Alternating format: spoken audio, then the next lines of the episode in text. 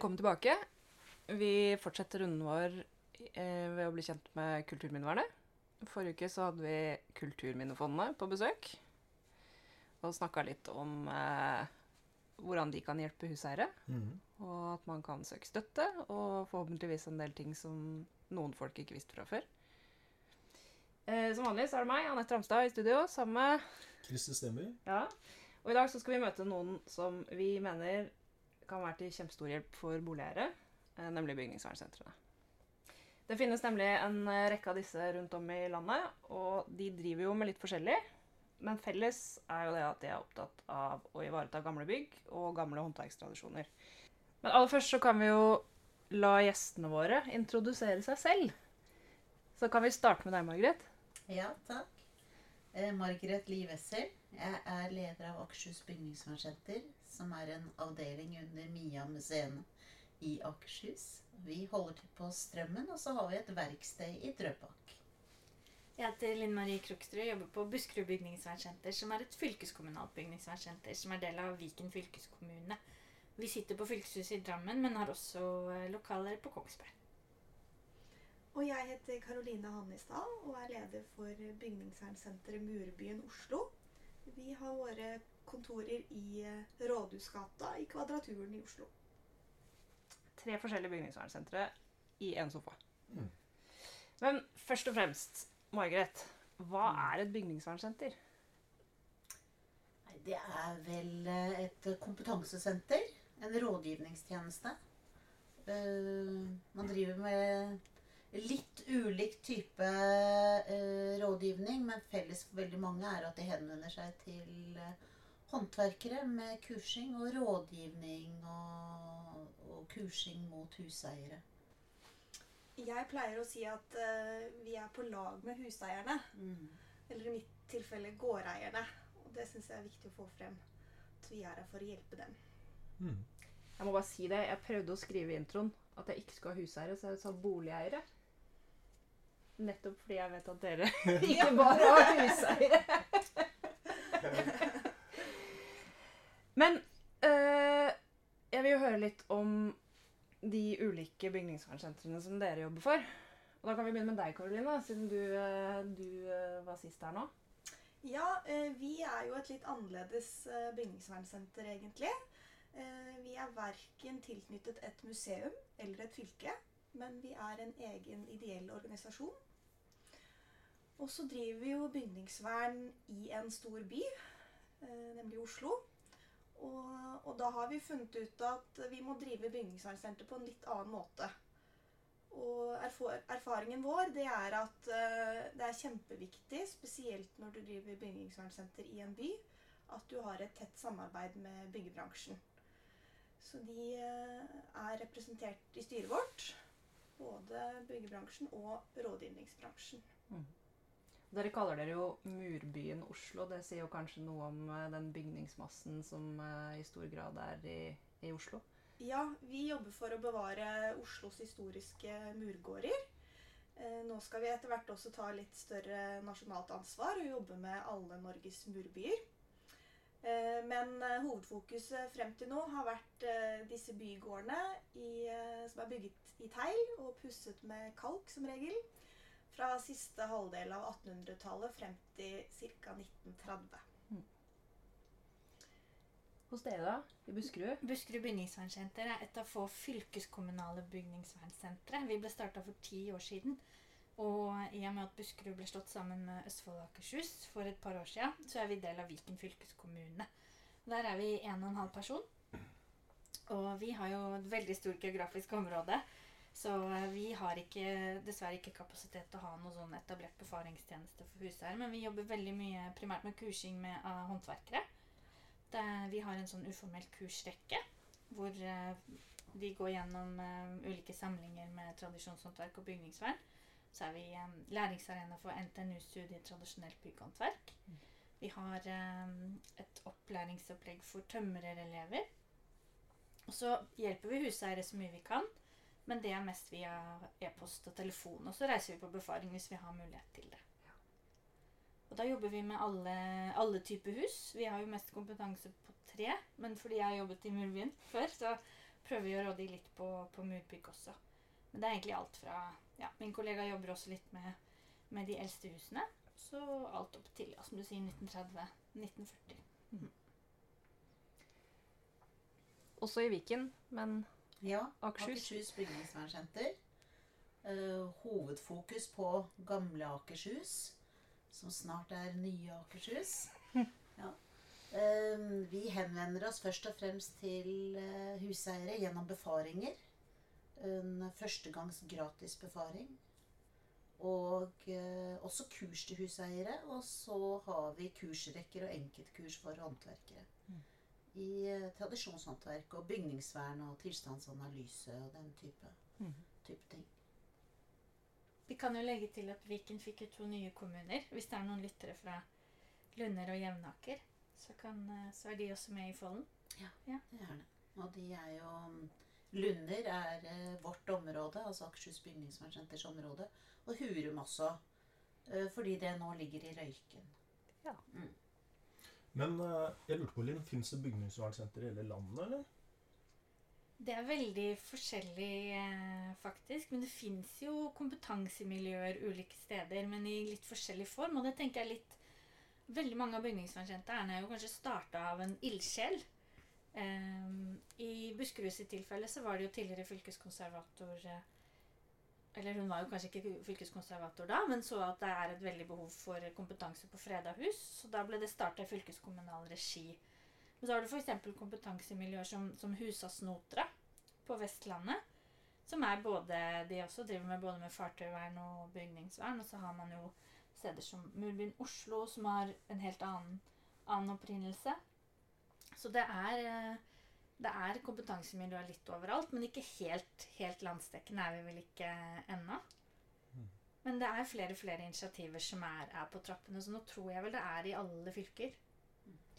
Det er jo ikke om å gjøre at de bygningsverntjenestene skal være like. Eh, Jeg tror noe av det viktigste er at, at de har en lokal forankring. Og at de bygger på den kompetansen som er der.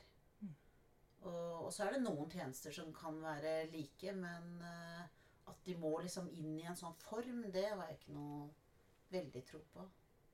Felles for de fleste bygningsvernsenter er vel eh, den todelheten ved at man både fokuserer på gratis rådgivningstilbud til huseiere, gårdeiere, eh, men også at det er like viktig å sørge for at det er håndverkere som har den riktige kompetansen som, som huseierne etterspør når de skal ta vare på gamle hus.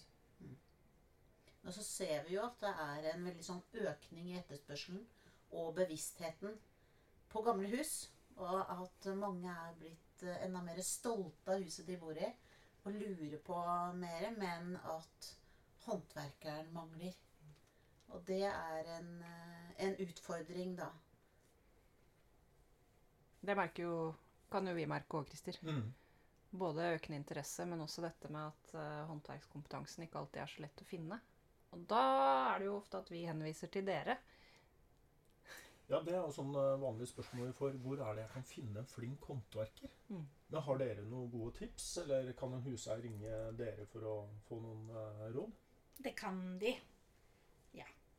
Absolutt. Man skal jo være forsiktig med å anbefale noen. Og så må vi jo være litt obs på at vi med det nettverket vi har, må passe på at vi ikke ekskluderer folk som ikke er i det nettverket. Så vi prøver å si til huseier at er du i kontakt med en, en håndverker som, som kan vise til referanseprosjekter, men som ikke er, kanskje ikke er en som bygningsvernsenteret kjenner til, så er det bare å bruke vedkommende. Men vi, eh, vi har vel landet på at vi, vi kan sende ut en oversikt over folk som har hvert fall gått på det mer langvarige kursopplegget vi har hatt. Og da ekskluderer vi ingen. Da er vi ikke konkurransevridende. Og da får huseierne noen å henvende seg til. Man kan jo si at uh, man skal være forsiktig med det, men samtidig så ser vi at huseierne finner ingen. De ringer jo nettopp fordi de finner ingen som kan gjøre det. Så hvis ikke vi kan tipse om noen, hvem skal de da henvende seg til? Men vi er veldig bevisst på vi anbefaler ingen, og folk må sjekke referanser Mm. selv. Så de har på en måte den, den bestillerrollen er jo viktig at huseieren har selv. Ja, det er helt klart noen utfordringer knyttet til det å anbefale ett firma overfor et annet et. Men eh, vi pleier jo å tipse våre gårdeiere om at eh, i Murbyen Oslo så har vi et medlemskap for rådgivere, arkitekter og håndverkere som jobber med eldre murgårder. Eh, og det er jo et godt tips å, å ta en titt på den oversikten. Um, og der står de oppført på vår nettside med kontaktinformasjon til den personen i det firmaet som har den rette kunnskapen. Det er jo også en eh, slags bransjeforening som heter Håndverkslaget. De har også en ganske uttømmende liste på sine sider, som er landsdekkende. Og så er det vel et sånt håndverksregister i regi av Håndverksinstituttet. Det er helt riktig. Norsk Ja. håndverksinstitutt har en eh, På nettsiden sin så har de et kjempestort register over håndverkere over hele landet. Og ofte så kan man også kanskje ta kontakt med lokal- eller fylkesavdelingen til Fortidsminneforeningen, som muligens også kan hjelpe til. I eh, Akershus bygningsvernsenter så erfarer vi jo at de håndverkerne som har fått veldig mange oppdrag, at de bare fortsetter å få nye og nye og nye oppdrag. Og, og folk steller seg på venteliste til de, mens det egentlig kanskje også er andre der ute som like gjerne kunne tatt det ved, å, ved at vi hadde hatt et samarbeid og, og en kommunikasjon og en dialog mellom huseier og, og håndverker underveis, og at vi kunne bidratt i den dialogen. da. Så vi er veldig opptatt av å bygge kompetanse lokalt og få andre som har jobbet som håndverkere en stund, til å, å prøve å gå den kursrekka vår. eh, som gir et veldig sånn godt innblikk og en grunnleggende innblikk i, i bygningsvern og tradisjonshåndverk. Du, jeg lurte på en ting, Karoline. Hvis jeg eh, bor i en leilighet i en gammel murgård, er det sånn at jeg bare kan ringe dere og spørre om råd? Det kan du veldig gjerne. Eh, Vi eh, har i likhet med Akershus bygningsvernsenter et tilbud om eh, gratis førstegangsbefaring til alle eiere av eldre murgårder i Oslo.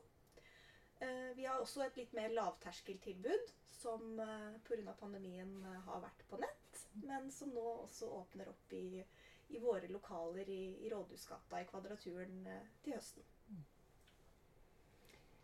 Jeg er litt eh, interessert i til dere som driver med, med befaringer. Jeg har jo vært så heldig å få være med Akershus bygningsvernsenter ut på befaringer. Ehm, det var kjempespennende.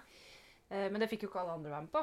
Ehm, så jeg er litt interessert i liksom, hvordan foregår de befaringene, og hva er det dere faktisk litt mer konkret eh, går igjennom når dere er ute? Ja, I Akershus bygningsvernsenter så er det jo sånn at det er eieren som tar kontakt med oss.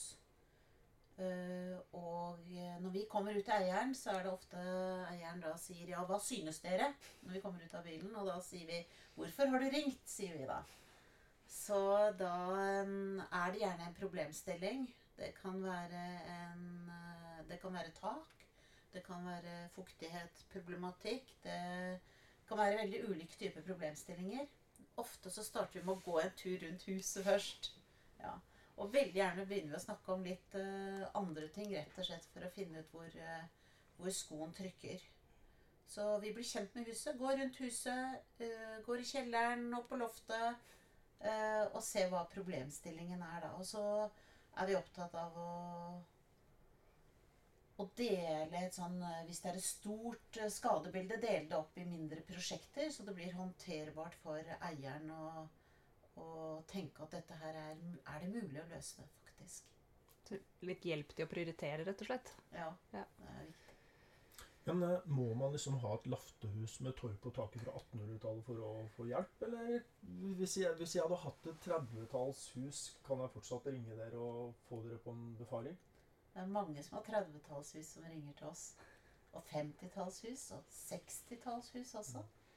Så eh, noen eh, sier ja, kan vi, ringe, eh, kan vi ringe til dere? Jeg vet ikke om jeg har et verneverdig hus. Ja, er det verneverdig for deg, da? Ja. Ja, da kommer vi. Ja, for det også er litt viktig. Det jo, dette skal jo ikke være noe Det husker jeg også veldig mange kan være redd for, er at hvis man ringer til noen som er i bygningsvernsmiljøet, og de kommer, så, så er de veldig redd for at de skal få noe vern eller fredning, eller at de skal få noen ting som hindrer dem i å gjøre som de vil. Det er veldig viktig å understreke at vi er ikke, har ikke noen myndighetsrolle, selv vi som er fylkeskommunale. Vi er eh, helt en separat tjeneste fra de som driver med saksbehandling og fredninger og vern. Så vi skal på ingen måte angi noen. Så vår rolle er å rådgi. Og når det gjelder å bestemme hva som er lov og ikke, så er det først og fremst kommunens byggesaksavdeling som skal ta stilling til det. Og er det hus som er eldre enn 1850, har et formelt vern, så kobles også fylkeskommunens saksbehandler på. Men det er noe helt, helt annet. Så vi er veldig opptatt av det at vi, vi er der for å rådgi om antikvariske retningslinjer, materialvalg, finne håndverkere hvor du kan søke penger. Men vi, vi skal ikke bestemme noen ting, og vi, vi angir ingen eh, og fører til noe, det skal ikke føre til noe fredning. Og at eh, vi kommer på besøk. Og så er det faktisk opp til huseierne å velge å bruke rådene våre eller ikke. Så vi går ikke videre med noen ting enn det er eh, Det er ikke noe pekefinger Nei, eller kjeft. det er det ikke. Det er veldig viktig at vi er eh, Vi prøver å løse ting og se ting fra eierens side. Så jeg er litt nysgjerrig, Karoline, fordi jeg vil jo tro at eh, befaringer i murgårder i Oslo, hvor det ofte da er et styre du skal forholde deg til, det er litt annerledes enn det er å komme til en enkelteier på svært gårdsbruk eh, i Akershus eller Buskerud, kanskje. Ja, eh, hvem er egentlig disse gårdeierne som vi besøker? Det er jo helt vanlige mennesker som, som har en leilighet i et borettslag eller sameie. Og så se for deg da at du er blitt valgt inn i styret, og så har du kanskje fått ansvar for at eh, nå skal vi eh, istandsette hele fasaden på denne bygården. Eh, et kjempeprosjekt i flere millioner ofte. Da tror vi det er veldig trygt og godt å kunne ta en, en samtale med oss først. Før man skal ut og, og snakke med rådgiver og arkitekter og ikke minst hente inn tilbud fra, fra håndverkere. Eh, så vi eh, kommer på befaring og, og ser på bygården. Eh, vi snakker veldig mye om materialbruk.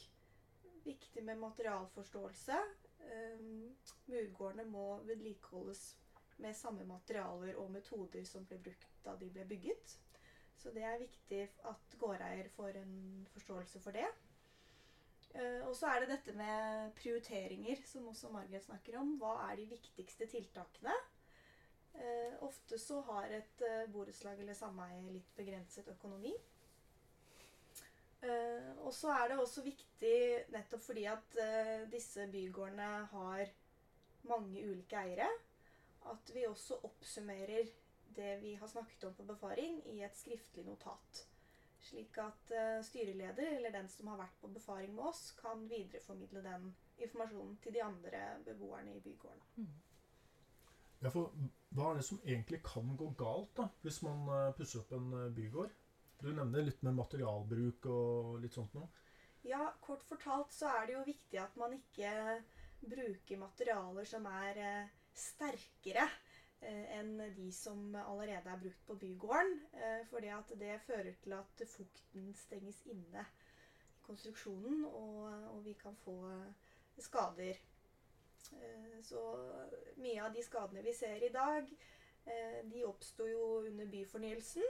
Eh, og materialene som ble brukt da, ble ofte brukt i god tro. Man hadde tro på de nye, moderne materialene eh, med, med sement og, og plastmaling. Eh, men i dag så vet vi bedre.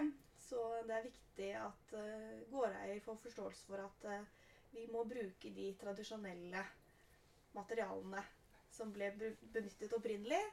I mitt tilfelle så er jo det ofte snakk om kalkpuss. Jeg kan jo komme med et lite eksempel. Jeg bodde i en 1890-tallsgård i Oslo eh, før jeg flytta. flytta. Eh, ganske lite sameie, 27 enheter. Eh, et styre med folk som var de uheldige som var på årsmøte. Eh, og der ble det gjort en ganske stor fasaderehabilitering i bakgården.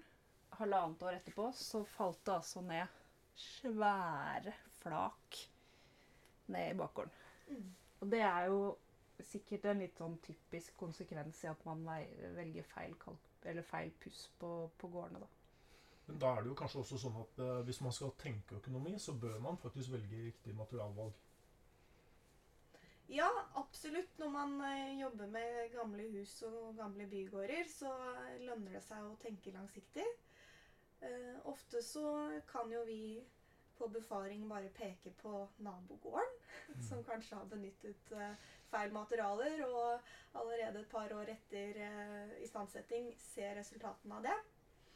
Eh, så er det jo en utfordring at eh, en bygård har mange ulike eiere eh, i ulike faser av livet. Så det kan kanskje være en kombinasjon av eh, langsiktighet, men også et fokus på, på bærekraft, som kan være lurt å fokusere på. Og så er det jo naturlig at eiere er opptatt av økonomi. eh, og hva de skal gjøre. Og da er også vår oppgave å dele det opp i prosjekter, som vi har sagt, men også informere om tilskuddsordninger. Så eh, det er en eh, veldig viktig oppgave, både når det gjelder Kulturminnefondet og Sparebankstiftelsen, men eh, også eh, landbrukseiendommer som kan sm søke SMIL-midler. Eh, og det tenker vi er, eh, er noe av det viktigste vi gjør. Da. Kan du reklamere litt for et av våre egne arrangementer? Både Murbyen Oslo og bygning, vi bygningsvernsentrene i Viken, Akershus og Buskerud har jo søknadsverksteder ganske jevnlig digitalt. Og vi har vel vårt kommende 27. september. Da kan man eh, logge seg på helt gratis og så høre foredrag fra de viktigste tilskuddsordningene og få råd fra Ole Jakob Holt om hvordan man skriver en god søknad. Så det Og da er det viktig å vite at det kan hvem som helst være med på i hele landet, fordi det er digitalt. Mm. Det er et fantastisk tilbud. Nå har vi jo snakka litt om eh, huseierne, og eh, dere er jo på en måte veldig sånn fint lavterskeltilbud for alle huseiere. For å komme i gang, få gode råd og tips om hvordan man skal gå frem. Og selvfølgelig det at det dere ikke er noen myndighetspersoner som kommer med pålegg og en pekefinger. Men eh, kanskje vi skal pensle oss litt over på, på håndverkerne, for det er også en veldig viktig målgruppe for dere. Og jeg har lyst til å stille litt det samme spørsmålet som jeg stilte når det gjelder huseierne. Er det sånn at eh, en håndverker kan ta kontakt med dere og bli med på et kurs uavhengig av hvilken bakgrunn man har fra før? Om man har jobbet med gamle hus eller ikke? Det er litt, litt ulike typer kurs. Eh, veldig mange som tar kontakt med oss, er håndverkere i bunnen.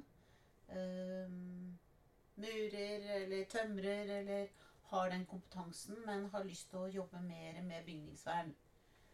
Eh, og de, vi prioriterer de som er eh, håndverkere som jobber innen håndverk i dag. Men vi får også en del henvendelser fra eh, andre som uh, har lyst til å vite mer, og de går gjerne på enkeltkurs til å begynne med. Jeg tenker jo at de som jobber som utførende håndverkere, men ikke jobber med tradisjonshåndverk og bygningsvern, er en veldig viktig målgruppe. Fordi vi, det er så utrolig stort behov for håndverkere som kan tradisjonelle teknikker, enten det er mur- eller trebasert. Så det er jo kanskje den viktigste målgruppa vi har. Og så vil jeg jo si at En annen viktig ting vi gjør, er jo nettverksskapende tiltak for håndverkere. Eh, For det første for kurs- og kompetanseheving, fordi mange håndverkere i vår bransje er jobber alene, har et lite firma eller har et selvstendig sånn enkeltpersonsforetak. Og da er det veldig viktig å ha andre å samarbeide med som du kan ringe til, kanskje gå i kompaniskap med for å ta på seg større jobber. Så de eh, nettverkstiltakene vi gjør for håndverkere, er kanskje, kanskje vel så viktige. Jeg tenker i hvert fall i eh, Akershus og Buskerud eh, så har dere to typer kurs. Det ene er vel enkeltstående kurs, og så har dere disse kursrekkene. Kan ikke du fortelle litt om kursrekka, Linn? Det kan jeg gjøre. Det er jo et tilbud som eh, vi har relativt likt. Eh, Vi har jo akkurat avslutta vårt nå. Da er det altså åtte samlinger over et år. Så vi starta i august, og så avsluttet vi nå helgen som var. Og da har vi gått gjennom da er det, skal Vi se, vi kan si vi har ca. ti stykker på hver kursrekke. Vi har kjørt dobbelt i år, så vi har jobba ganske mye. Vi har hatt én gjeng i Nesbyen og én gjeng eh, på Lier bygdetun. Og da går de gjennom de grunnleggende tingene man bør vite om, om gamle hus. Det er ikke utfyllende på noe vis, men liksom, da får du kanskje den lille forståelsen du trenger for å ikke gjøre så mye feil. Så vi har hatt en introduksjon til bygningsvern. Så har vi hatt tilstandsvurdering og bygningsanalyse. Vi har hatt lafting. Vi har hatt eh, høv, høv, høvling og høvelmaking. Det høres kanskje litt sært ut, men rett og slett for å gjøre reparasjoner på, på hus, så er det mye bedre å kunne høvle sine egne bygningsdeler enn å For du får ikke bestilt det. Så derfor er det veldig viktig. Og så har vi hatt tørrmuring, maling, vindusrestaurering. Da, da bare lurer jeg på to ting. Eh, hvem er håndverkeren som deltar, og hvor mye koster det å være med? Det er helt gratis. Eh, både i Akershus Du kan jo sikkert supplere etterpå, Margaret, men det er helt gratis, for det er et av de viktigste tilbudene vi har.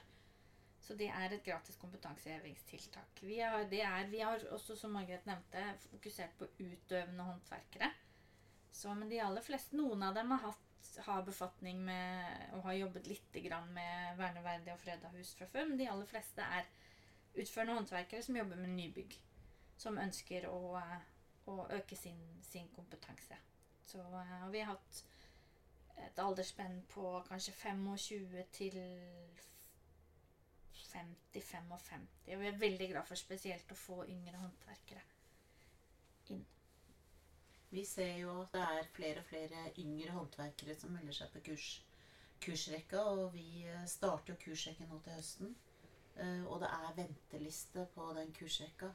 Så det er veldig attraktivt å gå den kursrekka. Det er vi veldig glad for.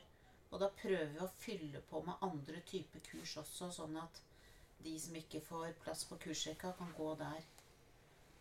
Eh, Og så har vi et håndverksnettverk som vi bygger på grunnlag av de som har gått kursrekka. Og nå er det 70 stykker som er med, i det nettverket. Og det er en blanding av digitale og ø, fysiske møter. Uh, og det fine med det er at små, enkeltstående firmaer kan begynne å snakke sammen og legge inn anbud sammen og konkurrere med de som er større. Uh, og da er det viktig å ha tålmodighet, for sånt må bygges over tid. Men uh, det er et veldig spennende prosjekt. Ja, i Murbyen Oslo så har vi også hatt fokus på det å få med de unge håndverkerne. Så vi har et veldig fint samarbeid med Murmesterens forening Oslo. Hvor vi nå sørger for at vi har kurs i tradisjonelle pussteknikker for alle lærlingene i murfaget i Oslo. Eh, Det tror vi er viktig både for å fange den interessen for tradisjonshåndverk, men eh, Murmesterens forening er også veldig fornøyd med det de lærer på det kurset, for det får de god bruk for på svenneprøven og videre i arbeidslivet. Og en annen ting eh, er at når håndverkerne har gått en sånn kursrekke og skal jobbe videre alene, så er det viktig at de har en åpen dør tilbake og kan få um, komme på verkstedet ta med seg den døra de holder på å sette i stand, og jobbe sammen med, med noen hos oss. Eh, eller at vi kan reise ut på arbeidsplassen og bistå der, og at vi holder kontakten med håndverkere som har gått på kurs. Det er- ser vi som en viktig oppgave. De kurstilbudene som vi snakker om nå, er jo helt uformelle. Så man får på en måte ingen formell studiekompetanse, men man får et kursbevis som viser at man, at man har en, en grunnleggende, fått en grunnleggende innføring. Men så fins det også gode utdanningsmuligheter som Fagskolen Innlandet og Fagskolen jeg husker ikke om det heter Hordaland eller Vestland. Har jo også eh, sånne mm, årsenheter i bygningsvern. Og så er det jo NTNU i Trondheim som har et, et bachelorstudium. Men, og nå blir det vel kanskje opptak igjen om to år. Så eh, det er jo også noe for håndverkere å vurdere å bli med på det. Kjempespennende. Jeg tenker Før vi avslutter, så er jeg litt nysgjerrig på om vi kan gå runden. Og så lurer jeg litt på hva er liksom de vanligste spørsmålene dere får? Fra Egentlig enten fra håndverkere eller fra huseiere eller eiere av murgårder. da.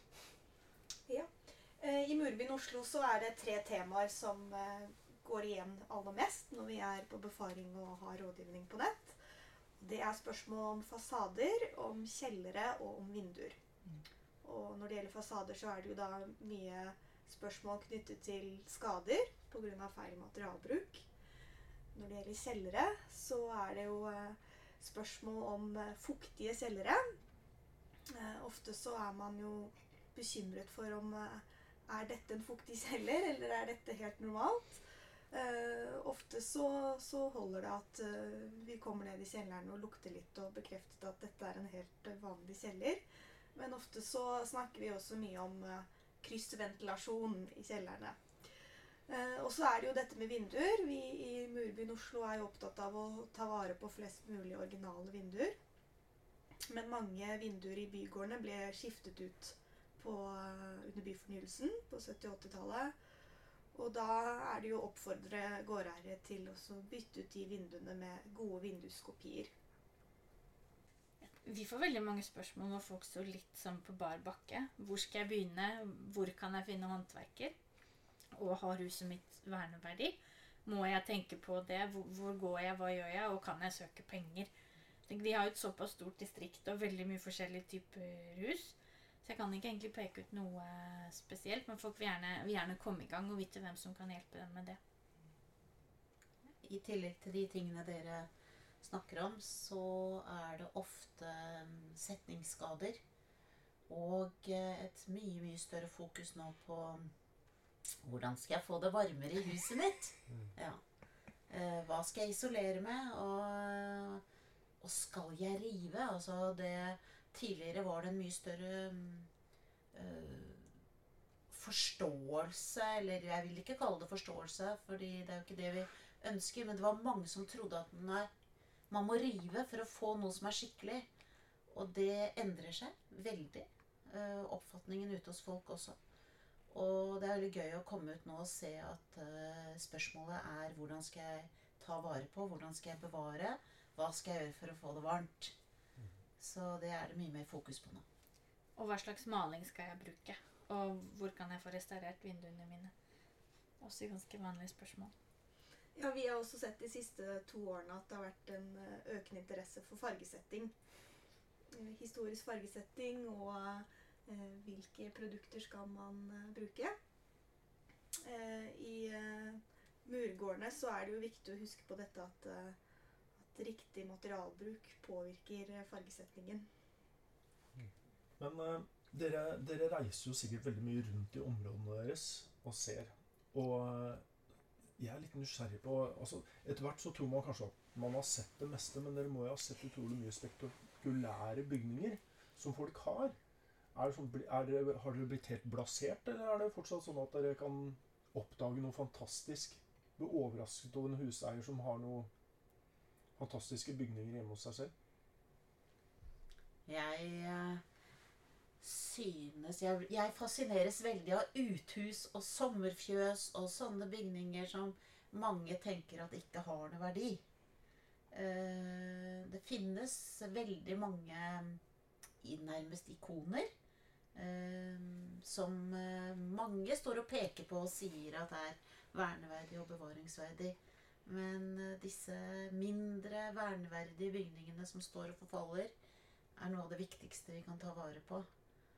Eh, og så av og til så dukker det opp helt spesielle ting. Kubbefjøs og Uh, ulike måter å bygge på som man kan bli helt fascinert av. Hva som ligger mellom tømmerstokkene og hva du finner i veggene. Det, er, det er veldig moro. Jeg tror ikke man blir helt plassert. Og hvis man begynner å bli det, så tror jeg kanskje man må finne på noe annet å gjøre. Vi kommer til så mye fine plasser, møter så mange ålreite mennesker og fantastiske hus og uthus. og Jeg hadde en åpenbaring her for noen år siden hvor jeg var på en befaring på Ringerike, hvor vi var på et hus som var bygd av leire. Som jeg aldri hadde sett før. Så eh, ja, man blir litt, litt overrasket hver gang man er et nytt sted. Det er utrolig mye fine perler. Og det må jo være en viktig del av jobben også å vise folk hva de faktisk eier. At de blir glad i husene sine. Noe av det viktigste er vel kanskje nettopp det å begeistre og gjøre folk stolte av det de eier. Eh, ofte så river man seg i håret og tenker 'Hva skal jeg gjøre med huset mitt?' Og så kommer vi og så ser vi dette utenifra, så ser vi at de har jo De er jo kjempeheldige som har denne kulturarven å ta vare på. Ja, nå har Murbyen Oslo vært på befaring i over 600 bygårder i Oslo. Eh, Så vi har eh, sett noen utrolig vakre bygårder. Men eh, like stas som det er jo egentlig å se at de aller fleste gårdeiere er utrolig stolte av bygården sin. Uansett hvor rikt dekorert den er, så er det ting de trekker frem og, og viser oss og er stolt av. Og det er veldig hyggelig å se. Folk spør jo ofte har huset mitt, har bygården min verneverdi. Og det er jo viktig klart å, å vite det, sånn at du ikke gjør noe eh, feil. Men vi prøver ofte å si jeg vet at Ole Jakob Poltos uh, Akershus ofte sier det viktigste er jo hva den betyr for deg. Og det er masse flotte hus som ikke har noe som helst formell verneverdi, som har, også kan ha veldig høy verneverdi. Eller veldig høy lokal verneverdi. Det viktigste er at det betyr noe for deg, det betyr noe for lokalsamfunnet. Og da er det viktig. Et eksempel på det er jo hus bygget og der det er eternittplater på veggene. Det er jo, de er jo i ferd med å forsvinne, og er et viktig kulturminne. Jeg tror vi skal begynne å sette strek. Det tror jeg. Dessverre. Det var, eh, Selv om det er kjempespennende. ja, det var veldig fint å avrunde med litt eternittplater. Ja. Det er en utviklingstrua kledningstype, faktisk. Men tusen, tusen takk for at dere ville komme. Takk, Takk for oss. Takk for oss. Så turer vi videre, vi. Det gjør vi. Neste gang så kommer uh... Riksantikvaren. Riksantikvaren. Mm. Takk for oss. Takk.